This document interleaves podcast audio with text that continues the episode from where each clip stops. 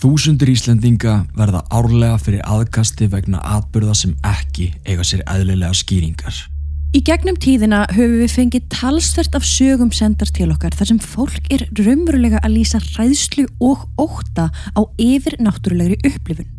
Atvikum sem hafa komið fyrir þau á stopnunum, vinnustöðum en þó lang oftast inn á þeirra eigin heimilum. Í þessum þáttum munum við fara yfir aðsenda sögur, deila þeim með þjóðunni og reyna betur í þær saman.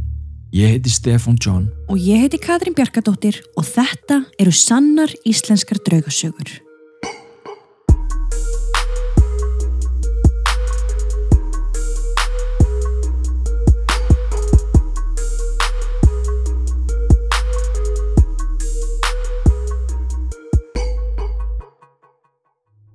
Áður en við byrjum er rétt að taka fram að sögurnar sem teknar eru fyrir í þessum þáttum eru ekki í nefni ákveðnir tímaröð sem þar eru sendar okkur, heldur af handahófi.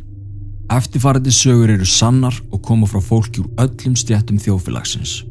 Allt eru þetta mismunandi einstaklingar á mismunandi aldri.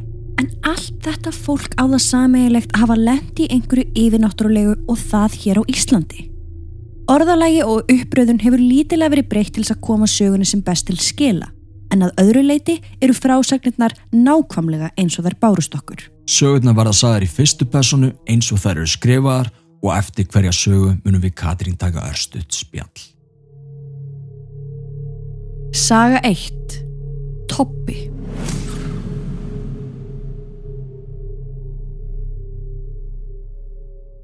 Ég vil byrja á að þakka ykkur elskonum fyrir frábært podcast og að gefa fólki tækifæri á að segja frá sínum upplifunum. Þeir eru frábæri ykkar fæi í alla staði. Byrjum á byrjun í litlu sjávarþorpi út á landi. Maður minn kaupir húsið okkar árið 2012 þá enn giftur fyrir um konu sinni. Þau skilja einhverju mánuðum setna og við tökum svo saman í janúar 2014 og ég er flutt inn í mars. Hann á tvo drengi úr fyrra hjónabandi og eigum við svo tvo drengi saman. Húsið er byggt upp úr 1970 og hefur skrítið orð á sér. Maður hafði heyrt fólk grínast með að það hliti að vera skilnaðardraugur í húsinu því fólk endaði alltaf á því að skilja ef það bjóðaðna. Þetta er ekkert svo gamalt hús en hér hafa samt margir búið. Ég trúi því að fólki fylgi misjöfn orka og að það geti skilið eftir orku þar sem það hefur búið. Gæti trúa að það sé kannski það sem er í gangi hér. Þegar við maðurinn minn tökum saman er eldri strákurinn hans 6 ára og sá yngri tæplega 2 ára. Maðurinn minn vinnur á vaktavinnu og var því oft ekki heima á nóttunni. Ég átti mjög erfitt með að venjast við að vera einn í húsinu. Samt er ég alls ekki næm, var bara alltaf á nálum fyrsta árið ef ég var einn á nóttunni. Svo gerist það eitt kvöldið þegar ég er að svæfa yngri strákin inn í hjónaherbergi. Hann lítur fyrir aftan mig og veifar. Segðu bless við kallin, hann er að fara. Ég fröys. Nokkru setna er ég aftur að svæfa þann stutta þegar hann lítur út í horn og það er eins og honum bræði. Hann kippir senginu upp fyrir haus og segir Vondikallin, vondikallin. En ég sá ekkert. Öðru hverju nefndan þann mann en aldrei sá við neitt. Maðurinn minn er samt svo litið næmur og fór hann að lenda í ímsu þegar ég var á næturvöktum. Eitt sinn stendur hann á miðjum ganginum rétt hjá fugglabúrinu og er að beigja sig til að klappa kísonum þar til allt í einu hann finnur kulda hellast yfir sig og hárin rýsa á bakinu. Á sama augnabliki fara kísurnar að kvæsa honum og bakka frá honum. Fugglinn trublaðist í búrinu og flög á rimlana stanslust en svo allt í einu hætta þau og á sama tíma kvarf kuldin. Tek það fram að kettinir höfðu aldrei kvæsta okkur hvorki fyrr nýja síðar. Maðurinn minn hefur líka lendið því að vakna við það og honum finnst einhver verið að horfa á sig og þegar hann opnar augun gata hann ekki hrift sig.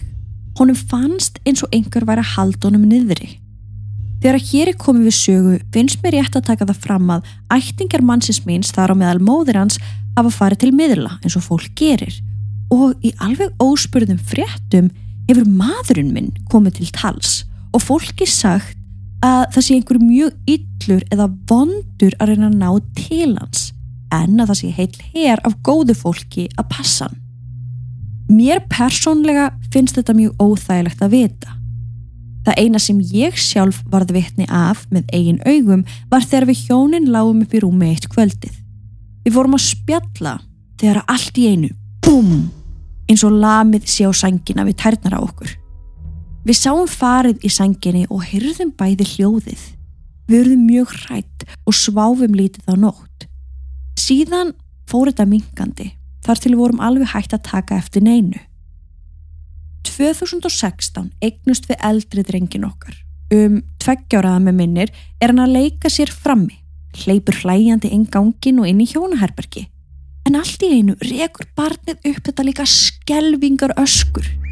Maðurinn minn hleypur á stað en sá litli kemur á ógnar hraða fram og spólar sig upp í fangið á pappasínum. Hann var fölur af hræðslu.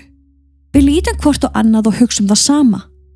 Hægt og rólega róa strengurinn en um leið og við reynum að fara með hann að herberginu, bilast hann og læsir sig um hálsin á pappasínum. Við vissum þá að þetta var byrjað aftur en okkur óraði ekki fyrir hvað væri í vændum. Með tímanum talaði drengurinn oftar um kallin, kallin í horninu á hjónaherberginu. Það sama og bróðir hans hafði séð. Þegar hann fór svo að tala meira komust við að því að það sem bjó í horninu hétt Toppi eða það sagði sonur okkar. Stundum spjallaðan við Toppa og allt í góðu og svo var stundum eins og hann breyttist í eitthvað hræðilegt beint fyrir framann augun á barninu og hann öskraði af hræðslu. Við sáum hann stundum tala við hann, hann horfði alltaf upp eins og hann væri að tala við fullorðin einstakling en við vissum bara ekki hvað við áttum að gera. Einan nóttina er ég á vakt og þeir feðgar sváfu saman inn í okkar herbergi. Allt í einu vaknar maður minn við það að honum finnst einhver vera fyrir aftan sig. Hann opnar augun og sonur okkar setur og starir á eitthvað fyrir aftan pappa sinn og án þess að líta á pappa sinn segir hann Pappi, Toppi er fyrir aftan þig. Maðurinn minn lítur hægt við en sér ekkert. Lítur svo aftur á són okkar og er hann þó lagstur niður og er steinsofandi. Maðurinn minn svaf ekki þá nóttina. Ef við fórum að heiman þá myndist hann ekki á toppa. En um leið að við lögðum í hlaðið heima fór hann að tala um toppa og stökk á stað til þess að kíkin í herbergi því að toppi var bara þar. Þar til einn daginn. Ég og frænka mín setjum að drakka kaffin í stofu og litli satt á gólfinu að leika sér. Skyndilega stendur hann upp alveg stjarfur. Án þess að líta á mig segir hann Mamma, af hverju er Toppi komin fram? Hann var mjög hrættur. Hann má ekki taka dóti mitt. Mamma, segð hann um að fara. Þarna fauk í mig. Ég stóð upp og lappaði inn á gang og gargaði á Toppa að hunskast burt. Og hann fór, sagði drengurinn að minnstakosti, af því að ég sá ekkert frekar en áður. Á þryggjara ammálunans fóru pappi hans og tveir vinur okkar með svona okkar inn í hjónaherbyrgi því að hann vildi sína þeim toppa. Það vissu flestir sem okkur voru nánir af þessu því að drengurinn talaði um þennan toppa eins og hann væri fyrir allra augum. Þá ákváðu vinur okkar og maðurum minn að segja toppa að þetta væri komið gott. Hann ætti ekkert að vera hérna og skildi hepja sig.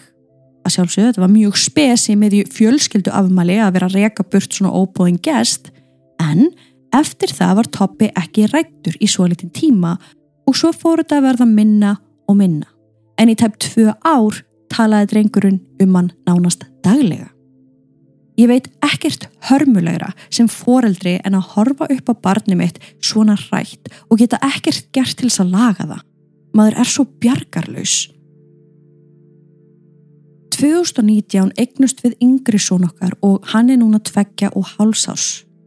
Hann hefur nú þegar bent á hornið í hjónaherberginu og sagt kallin og núna síðast bent hann í hornið og sagði Mamma, hver er þetta? Hann hefur frá fæðingu svo við illa og vil helst bara vera hjá okkur. En hann sefur samt ekki vel. Hann er á stanslausu yði og talar upp úr svefni eða réttar sagt gargar. Nei, nei og hættu. Jæja, þetta var langt en langaði bara svo að koma þessu frá mér. Takk fyrir að lesa þessa langloku mína og ef þið hafi einhver ráð fyrir okkur er því mjög þakklátt. Kærleiks kveðjár fyrir þinnum fagra. Inga. Takk fyrir að deila þessu með okkur Inga. Ég held að það sé best að ráðast bara beint í hvað sé hægt að gera til þess að koma þessu manni burt af heimilin ykkar. Algjörlega. Eins og við höfum oft talað um þá eru börn mjög næm allt til 12 ára aldus og út af því hversu skert ljósir í kringum þau þá laða þau oft að sér anda og verur sem ættu alla jafna ekkert að vera í kringum þau. Það sem þið verða átt ykkur á er að þetta er ykkar hús og það má enginn koma nema einhver sem þið bjóðið inn. Þið hafið væntanlega ekki verið í andaglasi eða einhverju kukli, svo líklegast hefur þessi vera, þessi maður í horninu, þessi toppi, ekki fengið formlegt leifi til þess að þvælast þarna inn í hjónaherbygginu ykkar og áhrita börnin. Þið verða að breyta tilfinningunum ykkar. Hræðsla og óöryggi gefur svona drauga frekjum bensín, auka orku, þannig að það fyrsta sem þið verða að gera er að horfa á þessar aðstæður með öðrum augum.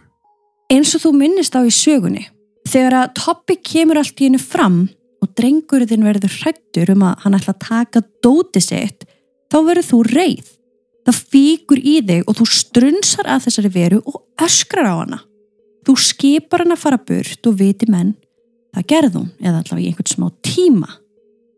Það er vegna þess að með skipun og með réttum tilfinningum á bakviðana nærðu raunverulega að reka þennan anda burt en einmitt kannski bara í smá stund. Þess vegna köllum við þetta frekjur vegna þess að þeir haga sér stundum eins og frek börn. Það þarf að endur taka leikin aftur og aftur þanga til þeir skilja að þeir mega ekki gera það sem þeir eru að gera.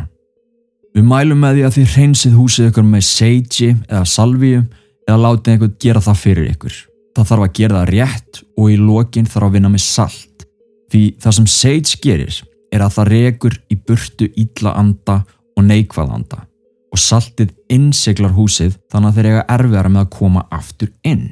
Ef þið eru trúið þá skulið þið fá prest heim til þess að blessa heimilið. Ef þið viljið ganga ennþá lengra þá gætu þið haft samband við miðil sem gæti mögulega hjálpað ykkur. Við mælum með Guðrúnu Kristinu, þið geti fundið hann á Facebook undir Guðrún Kristin Ívarstóttir, það er líka hægt að panta tíma. Þið geti sagt henni að við höfum bent ykkur á hana en hún þekkir okkur vel og hefur unni mikið með okkur. En þrátt fyrir hreinsun, presta og miðla þá er það samt þið sem þurfu að gera mestu vinnuna. Þetta er eins og þegar við fyrum í rannsókn í heimahúsi þá náum við að finna út hvaða andar þetta eru sem við erum að díla við og í lokin náum við vonandi að reka viðkomandi út og eða koma þeim á þann stað sem þeir eiga að vera á. Mm -hmm. En eftir rannsóknina er mikilvægt að fólki sem þarna býr haldi vinnunni áfram og það getur stundu tekið vikur, mánuði og jafnvel ár. En svo eru það blessu börnin. Það þarf nefnilega líka að vinna með þeim því eins og staðan er núna þá eru þau hrætt og óörug. Já, ég var eða að segja að við bæði örðum brjáluð. Já, við örðum reið. Þegar við herðum þetta og við vorum skapinast að fljúa bara þangað Já. strax. Þú alveg aðtöðar hvað það var í langt í burtu. Sko. Já, Við ætlum bara að mæta. við vorum mjög reið. En við byggum til spjallþátt fyrir áskrifundur okkar þar sem við töluðum um hvernig foreldrar geta unni með börnunum sínum sem er að sjá.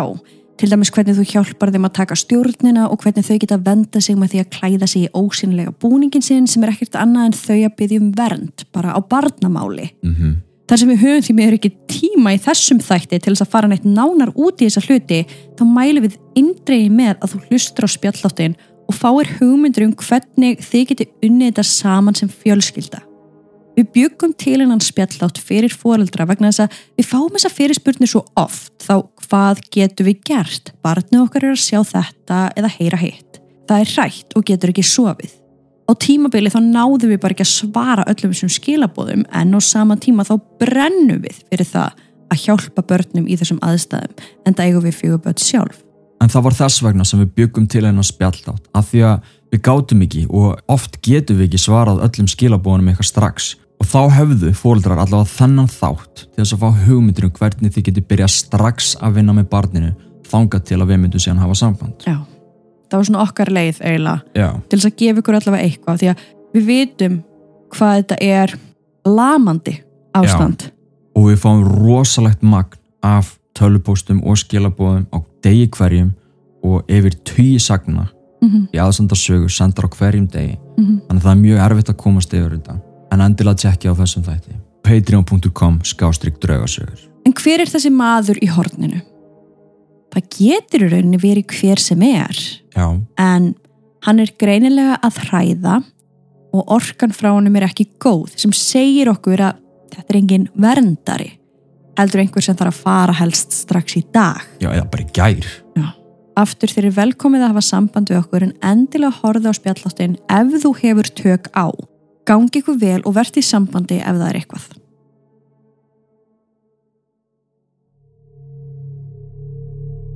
Saga 2.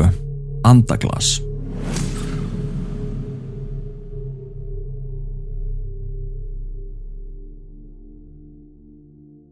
Atviki gerðist þegar ég 17 ára gamall. Eitt kvöldi höfðu við vinirnir lítið að gera og fengum þá hugmynd að prófa Ouija board. Allir mjög skeftískir en við keirum fjóri saman út í skó í grendu Selfoss. Við löpum smá spöl inn og finnum viðarborð nálat kofa þarna í skólendinu. Við setjum upp borðið í myrkrinu, allir með vasaljósin úr símanum og prófum að spurja spurninga og förum eftir leiðbenningum og eftir einhver tíma fáum við stutt og einföld svör. En gerðum allir lítið úr því. Hver veit nema einhver innan hópsins hafi hreift við þessu. Ég hugsa aftur á móti reglulega til bílferðarinnar tilbaka. Við höfum nefnilega látið Ouija-borðið í skottið en það er sannsagt ekki hægt að tegja sig í skottið úr aftursætunum. Það er alveg lokað á milli. Ég var sjálfur undir stýri og í þrýgang opnaðist skottið á miðri ferð á leiðin aftur í bæin. Þetta hafði aldrei gerst áður á þessum bíl og gerðist aldrei aftur eftir þetta kvöld. Takk fyrir þessa upplifin þína og vinaðina.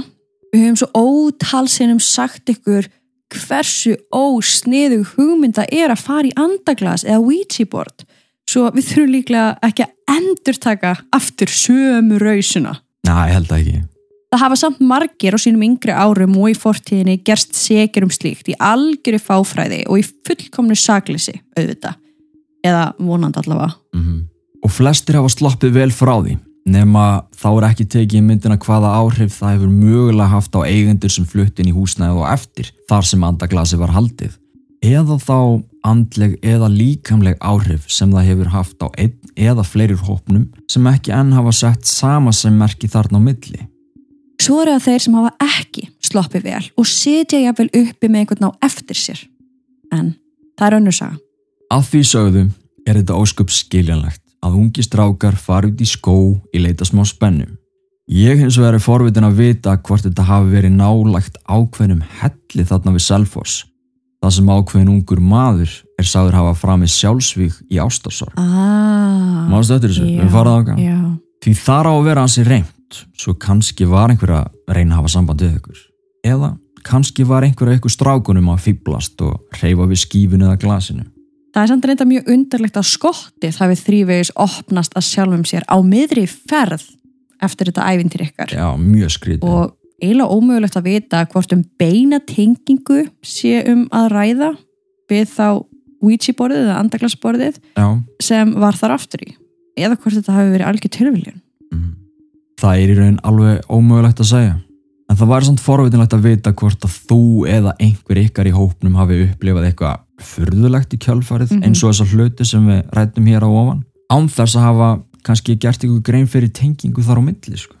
Spurningin sem kvílir þó á okkur er hvar er þetta Ouija borð í dag? Aha. Sendu okkur línu og láttu okkur endilega vita. Takk fyrir söguna þína, gangið vel og kerðu valega.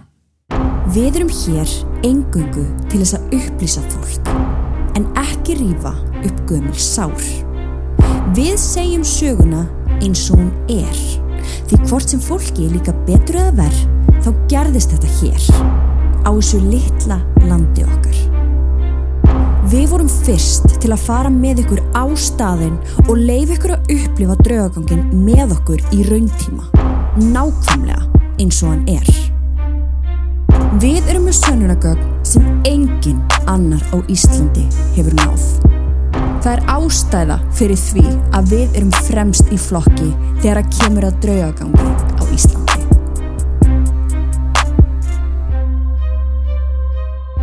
Skoðuðu áskriftarleiðirnar inn á patreon.com skástrygg draugasögur.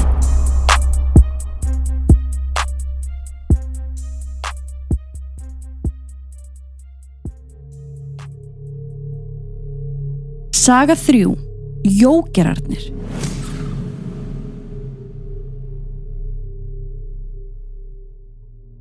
Góðan daginn. Ég vil byrja því að þakka ykkur innilega fyrir frábært podcast. En mér langar að segja ykkur frá sögu sem gerðist fyrir mömmu mína þegar hún var cirka 6 ára gömul. Gerir mér ekki alveg grein fyrir hvað þetta var sem mamma sá eða hvað hafi gengið á. En það væri gaman að heyra hvað ykkur finnst. Mamma hefur alltaf verið frekar að næm og er berdreimin en aldrei síðan einar verur. Nema í þetta eina skipti en hún sem sagt bjó og ólst upp í Vestmanægjum sem barn. Hún var vön að leika sér mikið við nágranna börnin en þau leiku sér yfirleitt á stórum grasflöt sem var beint fyrir utan húsin þeirra.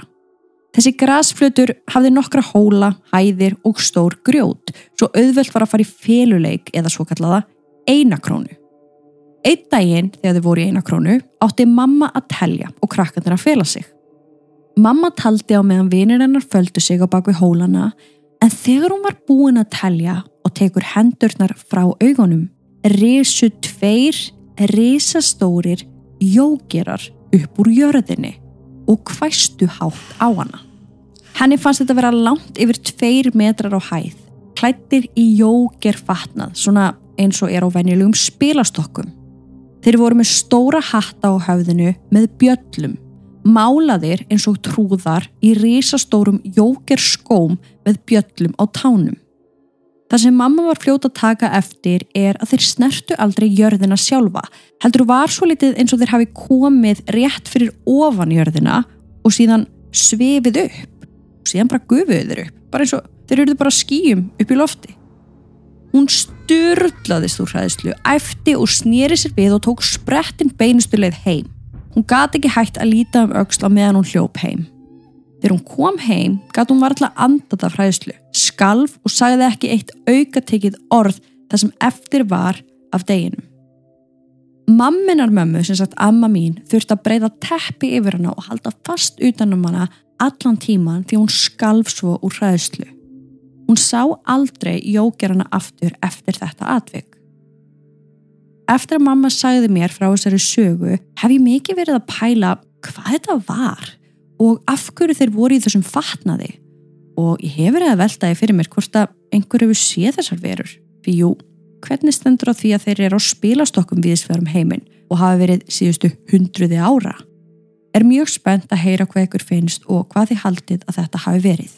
Með bestu hverju Elisabeth og Sola mamma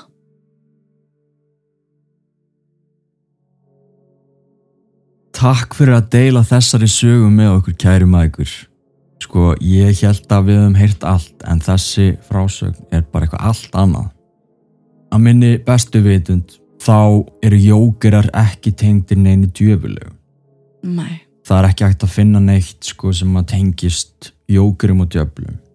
Það er þó tenging við tarotspill Mm. og þar er jókerinn eitthvað sem táknar flónið eða bjánan, Já, já, kjánan. the fool. The Fool. Að öðru leiti þá er þetta voða förðuleg upplifun. Og við höfum í rauninni ekkert frekari svör bara því miður. Þetta er í rauninni eitthvað sem við höfum bara aldrei nokkuð tíman heyrt. Já, þú veist, vanalega getum við sagt eitthvað en við þurfum bara að játa núna. Við þessu höfum við bara ekki, Ekki svör. ekki svör. Og það náttúrulega getur hver sem er bara sínt sig sem jóker sem eitthvað fyndið veist, var einhver kannski framleiðin ættingi sem var kannski svona, svona kjáni eða já, svona stríðinsbúki Mm Mér finnst þetta líka gott bara, og ég er að hugsa svolítið upphátt, mm. það þarf náttúrulega fyrst að nota útilokunar aðferðina. Það þarf auðvitað aðtöga í hvernig hugarástandi mamma einn var þarna sex ára gömul. Já. Var hún íbúin að vera að spila? veist, var, var, var eitthvað, var hún íbúin að horfa á eitthvað eða mm lesa bækur um eitthvað eða eitthvað þannig, var, var einhvern veginn mögulega búið að koma þessari mynd í höfuðið á henni og án þess að gera lítið úr nýttni upplifun því það er eitthvað Mhm. sem við gerum aldrei. Alls ekki. Gæti verið að hún hafi orðið hrætt og ímynda sér. Já, en mér finnst líklegt að mamma einn hefur öruglega farið í þessa vinnu. Hún hefur öruglega sjálf stoppað núna fullonins aldrei og hugsað ok, þú veist, hver er eðlilega útskýringin á þessu? Það hlýtur bara að vera eðlilega útskýring af því við viljum eðlilega útskýringu, það er það sem við Mhm. viljum. Við viljum ná þetta í bönga þetta og þeir eru greinilega báðar að gera það því þeir eru báðar mæðgur í dag að einmitt, pæla í þessum hlutum. En þar sem mamma einn er ennþá ekki búin að tengja Mhm. þessa reynslu við neitt í hennar lífi þarna sex ára gömul. Þá setur hún uppi með engin svör og þú heyrir þessa sögu Mhm. og þú setur uppi með engin svör. Já, já, eins og þú segir, ég held að það sé líklegast að, að ef þetta var eitthvað yfirnáttúrulegt að þá líklegast hefur þetta verið eitthvað sem var að sína sig bara á þennan hátt en ef þið haldið áfram að leita og ef þið farið á stúfana og ef þið fáið einhver svör sem við höfum ekki diskutera hér, mm endilega látið okkur vita. Já bara please. Við erum, við erum forvitin, við erum alveg jafn forvitin á þið. Takk fyrir sögun ykkar og gangi ykkur vel. Saga fjögur. Stikkishólmur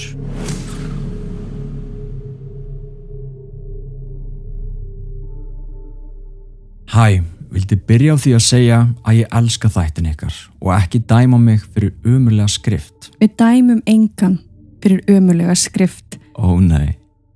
En mér langaði að deila með ykkur nokkrum drauga upplifunum mínum. Ég bý á Vesturlandi í bæ sem heitir Stikkishólmur. Þessi bær er þekktur fyrir að vera svakalega reymdur og hafa margir upplifað eitthvað yfirnáttúrlegt í þessum bæ. Þetta byrjaði þegar ég var setjandi í stofunni heima hjá mér. Hún sýsti mín var í sturtu og svo allt í einu slöknuðu ljósin hjá henni af sjálfu sér. Ljósrófin er samt ekki inn á baði heldur hann fram á gangi áður en þú lapar inn á baðherbyggið þannig að hún held náttúrulega að ég hafi slögt á ljósunum. Hún kallaði á mig og sagði mér að hætta að stríða sér en þegar ég kallaði á móti þá fattaði hún að það hafi ekki verið ég sem slögti ljósin því ég var of langt í burtu. Rafmagnið í húsinu okkar hefur alltaf verið leiðilegt þannig að við hugsuðum ekki mikið út í þetta en það breytist þegar það sama gerist fyrir mig þegar ég var einn heima í sturtu. Ég heyrði eins og einhver hafi slögt ljósin fram á gangi og skyndilega stóði ég niða myrkri en aftur, ég var einn heima þannig þetta meikar ekki sens. Ég fröys, svo hrættur var ég en reyndi bara að gleyma þessu og halda áfram með daginn. Næsti mánuður eftir þetta var mjög óþægilegur. Við heyrðum skrítin og óvenjuleg hljóð út um allt hús og það var alltaf svakalega kallt inn í herbergi sýstu minnar. Hún var nýbúin að eignast barn og við vorum með tæki sem sað okkur alltaf við barni myndi vakna eða þá ef eitthvað væri að. Einn daginn var sýsti mín að púsla þegar ég var ekki heima og hún ringdi í mig alveg dauð hrætt. Hún sagði mér að það væri eins og maður væri að kvistla í herbergi barsins og hún gætt heyrta í gegnum tækið. Hún fór inn í ískalda herbergið en enginn var þar inni nema barnið sofandi. Út af þessu föttuðum við að þetta væri ekki neitt vennilegt það sem var að gerast í húsinu. Við vissum samt ekki alveg hvað við ættum að gera nema bara að lifa með þessu. Næstu dagar voru þó enn óþægilegri. Manni fannst alltaf eins og það væri einhver að horfa á sig og varð til þess að við sýsti mín vorum svolítið nájuð og taugaveikluð alltaf. Viku eftir kvíslið í barnatækinu var ég sturtu að þóa mér hárið þegar mér byrjaði að svíða rosalega á lærinu. Ég tjekkaði hvort ég hafi fengið sár eða hvort ég hafi rekist í eitthvað en þegar ég leit niður var ég í sjokki. Þrjú meðalöng klórfur voru niður annan fótinn á mér. Ég var mjög hrættur og fór strax úr sturtunni en þegar ég var að þurka mér upplifði ég skyndilega mikla öndunar erfiðleika. Það var eins og eitthvað var að kirkja mig eða að einhver var að þrýsta höndunum sínum einhvern veginn á lungun á mér. Ég var svo hrættur að ég sagði mömmu minni allt en hún hunsaði mig bara og sagði að þetta væri bara amma mín sem var þarna nýlega dáin. Sýsti mín var alveg að prætt og ég en við vissum samt ekkert hvað við ættum að gera. Í kjölfarið gerðust allskins förðuleg atvik og næstu fjóra mánuði en ekki neitt eins rosalegt og þetta. Svo lendum við sýsti mín bæði í atvikum sem við komum aldrei til með að gleyma. Ég var einn heima í kringum miðnætti að spila tölvuleiki fram í stofunni með vinum mínum í gegnum Discord. Það var allt óskup venjulegt. Þegar allt í einu það byrtist stór og hvít vofa beint fyrir fram að mig. Ég var döið hrættur en eftir smá stund var ég allt í einu rólegur eins og að vofan var að gera eitthvað til að halda róminni. Vofan sveif með fram stofuborðinu og þegar hún var komin alveg að mér hvarf hún. Ég saði vinum mínum hvað þið gerst en þeim hefði ekki geta verið meira sama. Dægin eftir var sýsti mín á rúndunum með vinkonu sinni. Hún var að keira og fekk hún allt í hennu hroll og var svakalega hrætt út af bara yngri ástæði. Vinkona hennar tók eftir þessu og spurði hvað var að. Hún svaraði henn ekki og leiti í baksinu speilin. Þegar hún gerði það sá hún stóran svartan skugga í aftursætinu. Það gerði hana ennþá hrættari en svo skindilega kvarf skuggin. Eftir þetta höfum við ekki fundið fyrir neinu eða séð neitt síðan. Ég vona að þetta gerist ekki aftur, en maður veit aldrei hvað getur komið mann á óvart í framtíðinni. Þetta eru bara nokkrar af mörg hundru draugasögum sem hafa gerst hér á Stikisólmi og eru allir með sína eigin upplifun. Getur þið kannski útskýrt af hverju ég sá hvítavofu á meðan sýsti mín sá svartan skugga? Ég pæli enn í þessu dag og við vitum ekki af hverju þetta gerðist. Takk fyrir mig. Takk fyrir þessa frásögn. Stikkishólmur er vissulega ásveipiðu kaliberi og stokkseyri, Reykjanesið og fleiri staðar á Íslandi þar sem að reymleikin er mögulega meiri en annar staðar. Við teljum nú samt að þessi minni bæjarfélög séu kannski bara hljóðlátari en aðrar og því auðveldra að útiloka frávik en kannski hér í þéttbílinu. Já.